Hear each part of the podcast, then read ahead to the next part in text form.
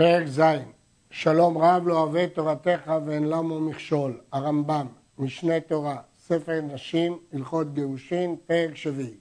שליח שהביא גט ממקום למקום בארץ ישראל, אף על פי שלא ראה כתיבת הגט, ולא ידע מי הם עדיו, אלא נתן לו הבעל גט ואמר לו תן גט זה לאשתי, הרי זה נותנו לה בפני שניים, ואף על פי שאין עדיו ידועים אצלנו, ותהיה מגורשת ותינשא בו.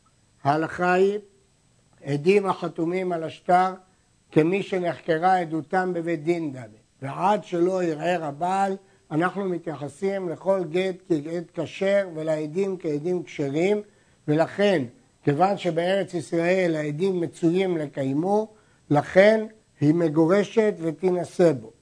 בא הבעל וערער ואמר לא גירשתי מעולם וגט שהובא לה מזויף הוא, יתקיים בחותמיו.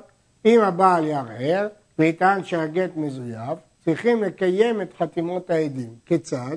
להשוות אותן לחתימות קודמות שאושרו בבית דין, או להביא שני עדים שיעידו שאלה אכן החתימות של שני העדים. ואם לא נתקיים, ולא נועדו עדיו כלל, לא הצליחו לקיים את הגט, לא יודעים מי אלה העדים האלה, תצא ועוולן ממזר, שהרי אינה מגורשת.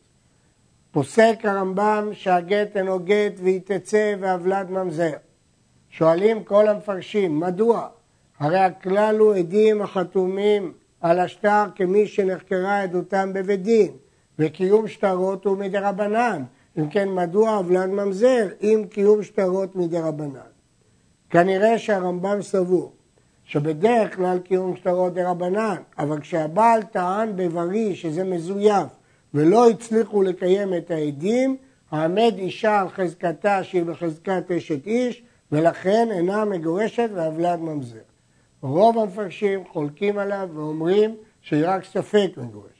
אומר הרמב"ם, אבד הגט, הרי זו ספק מגורשת, כי ייתכן והיו מצליחים לקיים אותה. לפיכך נשים שחזקתן שהן שונאות זו את זו, אינן נאמנות להביא גט בארץ ישראל זו לזו, שמא מזויף הוא, ותתכוון לקלקל אותה כדי שתינשא ותיאסר על בעלה. אנחנו חוששים שהאישה ששונאת אותה, היא תזייף גט על ידי עדים שלא קיימים כלל, תיתן לאישה, ולפי ההלכה שלמדנו בארץ ישראל, האישה יכולה ללך ולהינשא, ואחר כך יבוא הבעל ויטען שזה מזויף, והוולד יהיה ממזר ויתאסר על זה ועל זה. לכן, נשים שחזקתם שונאות זו את זו, אינן מביאות גט בארץ ישראל. ואלו הן הנשים שחזקתן שונאות זה את זו, חמותה ובת חמותה, וצרתה, אפילו הייתה הצרה נשואה לאחר, ובהמתה אפילו הייתה אחותה, ובת בעלה, אבל שאר כל הנשים כשרות. חמותה ובת חמותה, יש איזה מתח בין החמות לבין הכלה. צרתה, כי תמיד בין צרות יש מתח, אפילו אם הצרה כבר התגרשה והתחתנה עם אחר, עדיין נותר המתח ביניהם. יבימתה, שהיא חוששת שהיא תיפול אליה לייבום מכמו צרתה, ואפילו אם הייתה אחותה והיא לא תיפול לייבום, לא חלקו, לא פלוג רבנן בין יבמה ליבמה, ובת בעלה שהיא שונאת את האימא החורגת שלה, אבל שאר כל הנשים כשרות. המביא גט ממקום למקום בארץ ישראל וחלה או נאנס, משלחו ביד אחר. כיוון שאין צורך להעיד בפניי נכתב ובפניי נכתב, הוא יכול לשלח ביד אחר, אבל רק אם הוא חלה או נאנס. כי אם הוא לא חלה או נאנס, אנחנו תולים שהבעל רצה שדווקא הוא יוליך. אבל בחלה או נאנס אנחנו תולים שדעת הבעל הייתה שאם תהיה בעיה לשליח הראשון, שיוכל למנות שליח אחר. ולומדים ושלחה מלמד שהשליח עושה שליח. וכן השני אם חלה משלחו ביד אחר אפילו מאה. ואין צריך עדים לחזור ולעשות שליח בפניהם, שיטת הרמב"ם, ששליח הולכה בכלל לא צריך עדים. ואחרון שהגיע הגט לידו, נותנו לה בפני שניים, אלה עדי מסירה, ותתגרש בו, אף על פי שמת השליח הראשון, כי הם לא פועלים מכוח השליח הראשון, הם פועלים מכוח הבעל המגרש, והבעל המגרש חי. שליח שהביא גט ממקום למקום בחוץ לארץ, שאין עדים מצויים לקיימו, או מארץ ישראל לחוץ לארץ, או מחוץ לארץ לארץ ישראל. כאן יש חשש גדול, שהעדים לא מצויים לקיימו, ואז הבעל יבוא ויערער. אם היה השליח עומד שם בשעת כתיבת הגט וחתימתו, הרי זה אומר בפני שניים, בפניי נכתב ובפניי נחתם, ואחר כך ייתן לה בפניהם ותתגרש בו, ואף על פי שאין עדיו ידועים אצלנו. ואפילו היו עדיו כשמות גויים, אין חוששים להם. ובכן, הרמב"ם אומר, אין הבדל בין שמות מובהקים של גויים ללא מובהקים, תמיד זה לא נחשב כמזויף מתוכו, והשליח נאמן לומר בפניי נכתב, בפניי נכתב. מדוע? כיוון שמהתורה העדים החתומים על השטר כמי שנחקרה עדותם בבית דין גם הוא, ולכן הם נאמנים. אלא מדרבנן הצליחו קיום שטרות. האמינו רבנן לעד אחד מדרבנן. למה? מפני תקנת עגונות, שהאישה תוכל להתחתן, האמינו לה בדרבנן מדרבנן.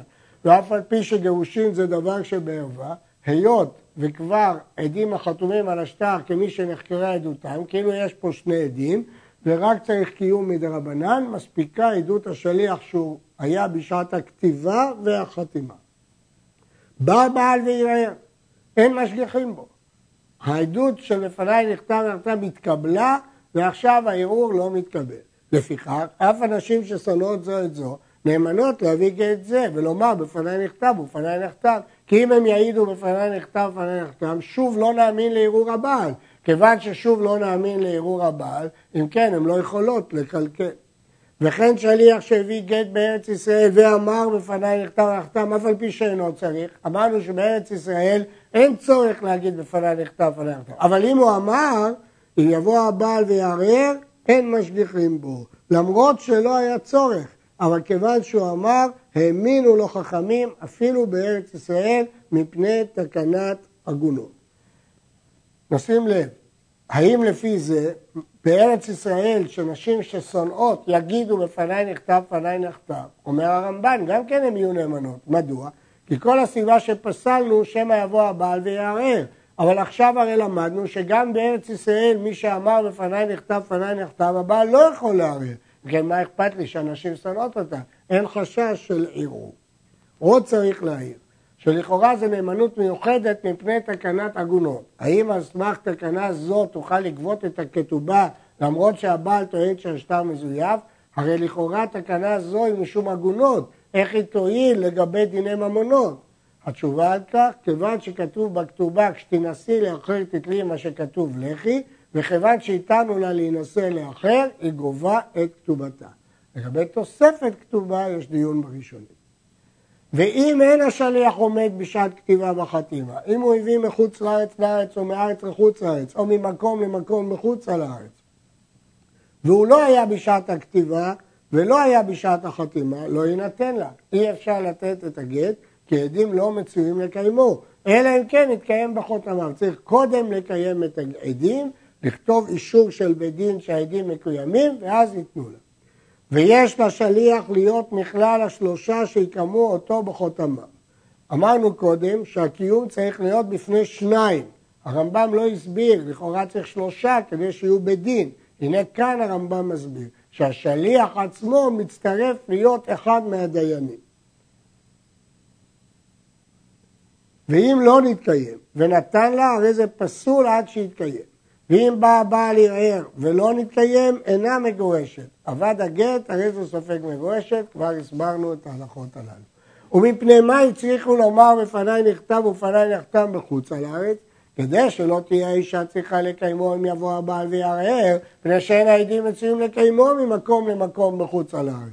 יש בגמרא דעה שאפילו באותו מקום בחוץ לארץ ניידה, שהיום תמיד האנשים ניידים, אבל הרמב"ם כותב דווקא ממקום למקום, אין השערות מצויות, אין העדים מצויים לקיימו, ולכן השליח צריך לומר בפניי נכתב ובפניי נכתב. בעל שהביא ראייה ברורה שגט זה שנאמר בו בפניי נכתב ובפניי נכתב מזויף הוא, הרי זה בטל.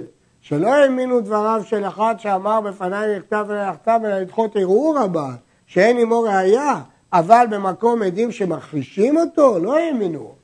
אמרנו שאחרי שהשליח אמר בפניי נכתב, בפניי נחתם, לא מאמינים לערעור הבעל.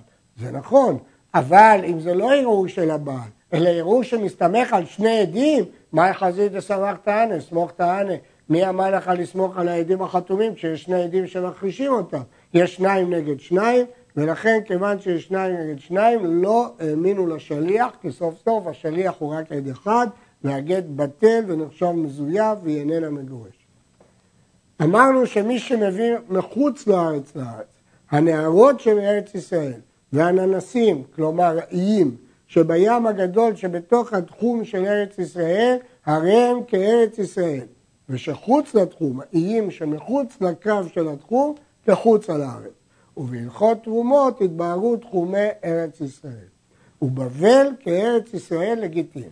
כיוון שבבבל היו אנשים רבים, ישיבות, הרבה אה, יהודים, נחשב הדבר שהעדים מצויים לקיימו. גם למאן דאמר לשמה, בבבל בקיאים לשמה. גט, שכתבו בארץ ישראל וחתמו בחוץ על הארץ. צריך שאומר בפניי נכתב ופניי נכתב. כתבו בחוץ על הארץ וחתמו בארץ ישראל, אינו צריך לומר בפניי נכתב ופניי נכתב. אמרנו שהעיקר הוא קיום החתימות, שבחוץ לארץ לא בקיאים לקיימו, לכן העיקר איפה הייתה החתימה. חתימה שהייתה בארץ ישראל, אין בעיה. חתימה שהייתה בחוץ על הארץ, צריך לומר בפניי נכתב ובפניי נכתב. נכתב מקצת הגט בפניו, ונחתם כולו בפניו. אם מקצתו הראשון הוא, הרי זה אומר בפניי נכתב, בפניי נכתב, אפילו לא נכתב בו אלא שיטה אחת בפניו. אפילו שמע כל הקולמוס כותב, וחתמו העדים בפניו, הרי זה אומר בפניי נכתב, בפניי נכתב. הוא לא צריך לראות את כל הכתיבה. מספיק שהוא רואה את תחילת הכתיבה, כבר הוא יכול להעיד בפניי נכתב. וכן אם יצא הסופר לשוק, באמצע הכתיבה, וחזר והשלים את הגט, אינו חושב שמא אחר מצאו ואמר לו לשם איש אחר כתבו, אלא אומר בפניי נכתב ובפניי נכתב. אמר בפניי נכתב, אבל לא בפניי נכתב. בפניי נכתב, אבל לא בפניי נכתב. בפניי נכתב כולו וחתם עד אחד, אבל לא העד השני. אפילו היה הוא העד השני. הרי זה יתקיים בחותמה ואחר כך יינתן לה. אם הוא העיד רק על הכתיבה ולא על החתימה, או רק על החתימה ולא על הכתיבה, זאת איננה עדות וצריך קיום. ואפילו אם הוא אמר בפניי נכתב כולו ועד אחד חתם, ואני הוא העד השני, הוא לא נאמן. כי צריך או כולו בקיום שטרות או כולו בתקנת חכמים. לא האמינו לומר אני העד השני. ואם העיד הוא ואחר על העד השני שלא חתם בפניו, הרי זה כשר ויינתן לה. יש שני עדים, אז זה קיום שטרות, אז זה כשר. והיה צריך לומר, אם העידו שניים אחרים על כתב יד העד השני, שזה כשר. אפילו אם הוא עצמו, וכל שכן עם שניים אחרים, זה כשר. שניים שהביאו גט בחוץ לארץ, אף על פי שלא נכתב ונחתם בפניהם, הואיל ונתנו להם הבעל לתנו לאשתו, הרי אלו נותנים לה ותהיה מגורשת. שהרי אין הבעל יכול לערער בגט זה, אף על פי שאינו מקוים, שהרי שלוחה ומידע. שאילו אמרו השניים בפנינו דין גרשה, הרי זו מגורשת, אף על פי שאין שם גט. אומר הרמב"ם, אם שניים הביאו את הגט והעידו שהבעל שלח אותם, שוב הבעל לא יכול לערער. מדוע? מה הוא יערער? מה הוא יגיד? הגט הזה מזויף, אז למה נתת לעדים להוליך אותו לאישה? הרי יש שני עדים שמעידים שאתה נתת להם להוליך את הגט לאישה. האם הם היו מעידים שהם כבר מסרו אותו והגט עבד? ודאי שהיו נאמנים. אז גם כאן הם נאמנים שמסרת להם, ולכן אתה לא יכול לטעות שהוא מזויף, כי עובדה שמסרת להם. במה דברים אמורים בזמן שהגט יוצא מתחת יד שניהם? אבל אם אין הגט יוצא מתחת ידי שניהם, צריכים לומר בפנינו נכתב, בפנינו נכתב. דווקא כשהם אוחזים בגט, או ששניהם אומרים בבית דין שהם שליחים, אז שייך להכשיר את הגט. אבל אם אין לנו ראייה, אלא הגט יוצא רק מיד אחד, לפיכך אם אמר אחד בפניי נכתב, ואחד אומר בפניי נחתם, אפילו שניים אומרים בפנינו נכתב, אחד אומר בפניי נחתם, הואיל ואינו יוצא מתחת ידי שניהם, לא יינתן לה עד שיתקיים בחותמה. רש"י מפרש ששניהם אדוקים זה ממש שהם תופסים בגט, זה הכוונה יוצא מתחת יד שניהם. אומר הרשב"א אין צורך מכך, הכוונה שניהם אדוקים ששניהם שליחים ולא שאחד שליח ואחד רק מעיד, וכך נראה מדברי הרמב"ם. אמר אחד בפניי נכתב ושניים אומרים בפנינו נכתב כשר, אף על פי שאינו יוצא מתחת ידם, שהרי נתקיים בחותמה. הרי אפילו אם היה ערעור, היינו מקיימים אותו על פי שניים, ופה יש שניים שראו את החתימות, אין כאן שום בעיה. שליח שהביא גט בחוץ על הארץ, ונתנו לה בינו לבינה, או שנתנו לה בפני שניים ולא אמר בפניי נכתב, פניי נכתב. אף על פי שנישאת נוטלו ממנה וחוזר ונותנו לה בפני שניים ואומר בפניהם לפניי נכתב ופניי נכתב. ואם לא נטלו ממנה, הרי זה פסול מדי רבנן, עד שיתקיים בחותמיו. כל זה אם לא יראה הבעל. אם יראה הבעל, הגט בטל והבלד ממזר. אבל כל עוד לא יראה הבעל והוא לא אמר בפניי נכתב, הרי זה פסול. נתנו לה ולא הספיק לומר בפניי נכתב, בפניי נכתב, עד שנשתתק, כלומר, נעשה אילם, אין הכוונה בחירש שאין לו דעת, אלא הוא נעשה אילם, הרי זה יתקיים בחותמיו, אחר כך יינתן לה. אין לו אפשרות להעיד בפניי נכתב ובפניי נכתב, ולכן חייבים לקיים בעוד חותמיו. יש כאן קושי, שהרי לגבי עדות אישה שמת בעלה, בגלל עיגונה, הקלו גם באילם שמעיד בכתב. התשובה היא, בגט יש פתרון אחר, אפשר שיתקיים בחותמיו, או שהבעל ישלח שליח אחר שהוא לא אילם, אבל במיתת הבעל יש לנו רק עד אחד שהוא אילם, שם התרנו משום עגונות שיכתוב בכתב, כאן לא התרנו שיכתוב בכתב, למה? מפיהם ולא מפי כתבם, חוץ מעדות מיתה ששם הקל. י"ט הסומה אינו יכול להביא גט זה של חוץ על הארץ, פני שאינו יכול לומר בפניי נכתב, בפניי נכתב. אם הוא לא רואה, הוא לא יכול להעיד בפניי נכתב. לפיכך אם נכתב ונכתב בפניו כשהוא פתוח ונסתמה, אחרי זמן הוא התעוור, הרי זה אומר בפני שלושה, בפניי נכתב, בפניי נכתב, ונותנו לה. כיוון שכשהוא היה פתוח הוא ראה שלפניי נכתב, לפניי נכתב, הוא יכול להעיד, למרות שעכשיו הוא סומא. אבל כאן צריכים שלושה, הוא לא מצטרף עם השניים, כי הוא סומה.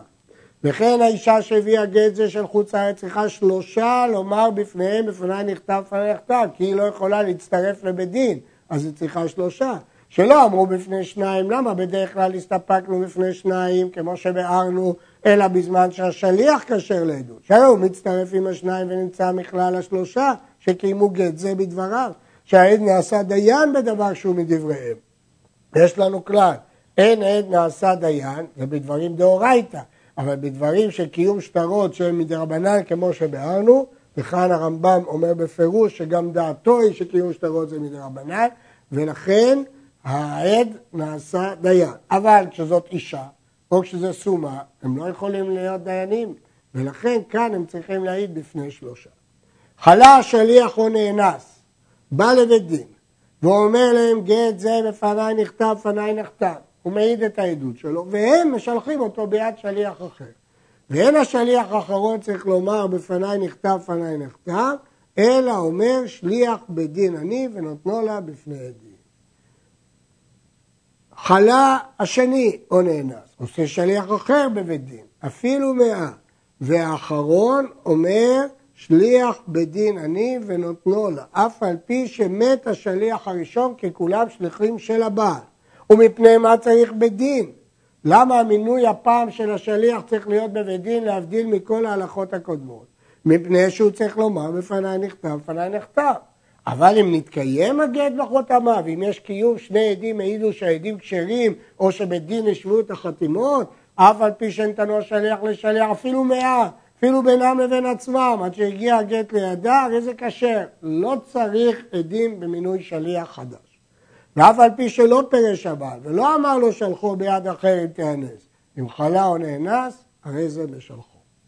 כל העושה שליח אינו צריך שיהיה השליח עמו בבית דין, אלא אומר להם, הרי פלוני שלוחי, אפילו שלא בפניו.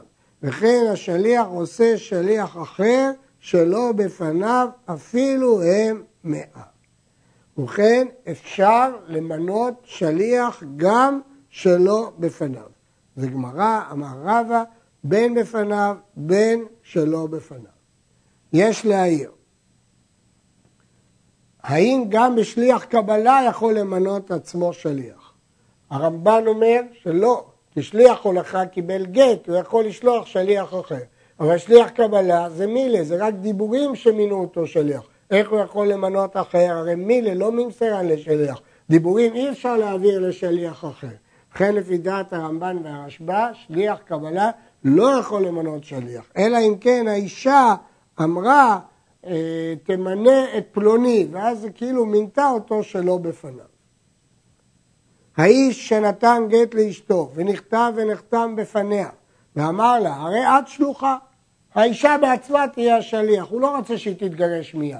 הרי את שלוחה להולכה עד בדין פלוני, והם יעמידו שליח וייתנו לך גט ותתגרשי בו. הוא לא מעוניין שעכשיו היא תתגרש, אלא אומר לה, תלכי לבית דין, הוא לא יכול להגיד ושם תתגרשי, כי לא חזרה שליחות אצל הבעל, היא צריכה לתת לבית דין, ובית דין ימנו שליח הולכה אחר, והוא ייתן לה את הגט.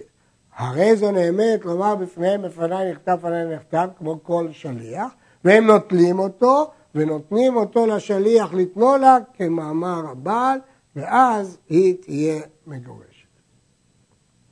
במה דברים אמורים? כשהתנה עליה בעל תנאי זה, אבל אם לא התנה עליה, אין נתן לה גיטה סתם, והרי הגט יוצא מתחת ידה, אינה צריכה לומר כלום, והרי היא בחזקת מגורשת. הואיל וגט שבידה כתוב כהלכתו, והעדים חתומים עליו. ואף על פי שאין לנו מכירים כתב העדים ולא נתקיים, הם חוששים לשם הזעיפה אותו, שהרי אינה מקלקלת על עצמה. ועוד, שהעדים החתומים על הגט, הרי הם כמי שנחקרה עדותם בבית דין. לכן אין לנו פה שום חשש, עד שיהיה שם מערער. לפיכך נעמיד הגט בחזקתו ותינשא, ואין חוששים שמא יימצא מזויף. כמו שנעמיד הגט בחזקת כאשר כשיביא אותו השליח. עד שהיה הבעל, או עד שיביא ראייה שהוא מזויף או בטל. לכן האישה לא צריכה לחשוש, כשהיא מביאה את הגט, היא יכולה להגיד, לא צריכה שום דבר, יכולה להינשא. שאם תבוא לחוש לדברים אלו וכיוצא בהם, ככה לנו לחוש לגט שייתן אותו הבעל בפנינו, שמא ביטלו ואחר כך נתנו. איך אתה נותן לה להינשא? אולי אחר כך הוא יוכיח שהוא ביטל אותו, או שמא עדים פסולים חתמו בו ועל כמזויף מתוכו, או שמא שלא לשמה נכתב. שם שאין חוששים לזה וכיוצא בו נעמידו על חזקתו, כמובן, רק על חזקה, והיא תינשא, אבל אם הבעל יוכיח שהוא ביטל, או שהוא כתב מודעה, או שעדים פסולים, ודאי שאחר כך הכל יתבטל. לא נחוש לו לשליח ולא לאישה עצמה שהגט יוצא מתחת ידה עד שיוודע שהוא בטל. שאין דיני האיסורים כדיני הממונות. בדיני איסורים אישה יכולה לסמוך על החזקה ועל סמך זה להינשא. שלא כדיני ממונות שהמוציא מחברו עליו הראייה. ישנם פה באחרונים אה, דיון למה התכוון הרמב"ם במשפט האחרון של פרק.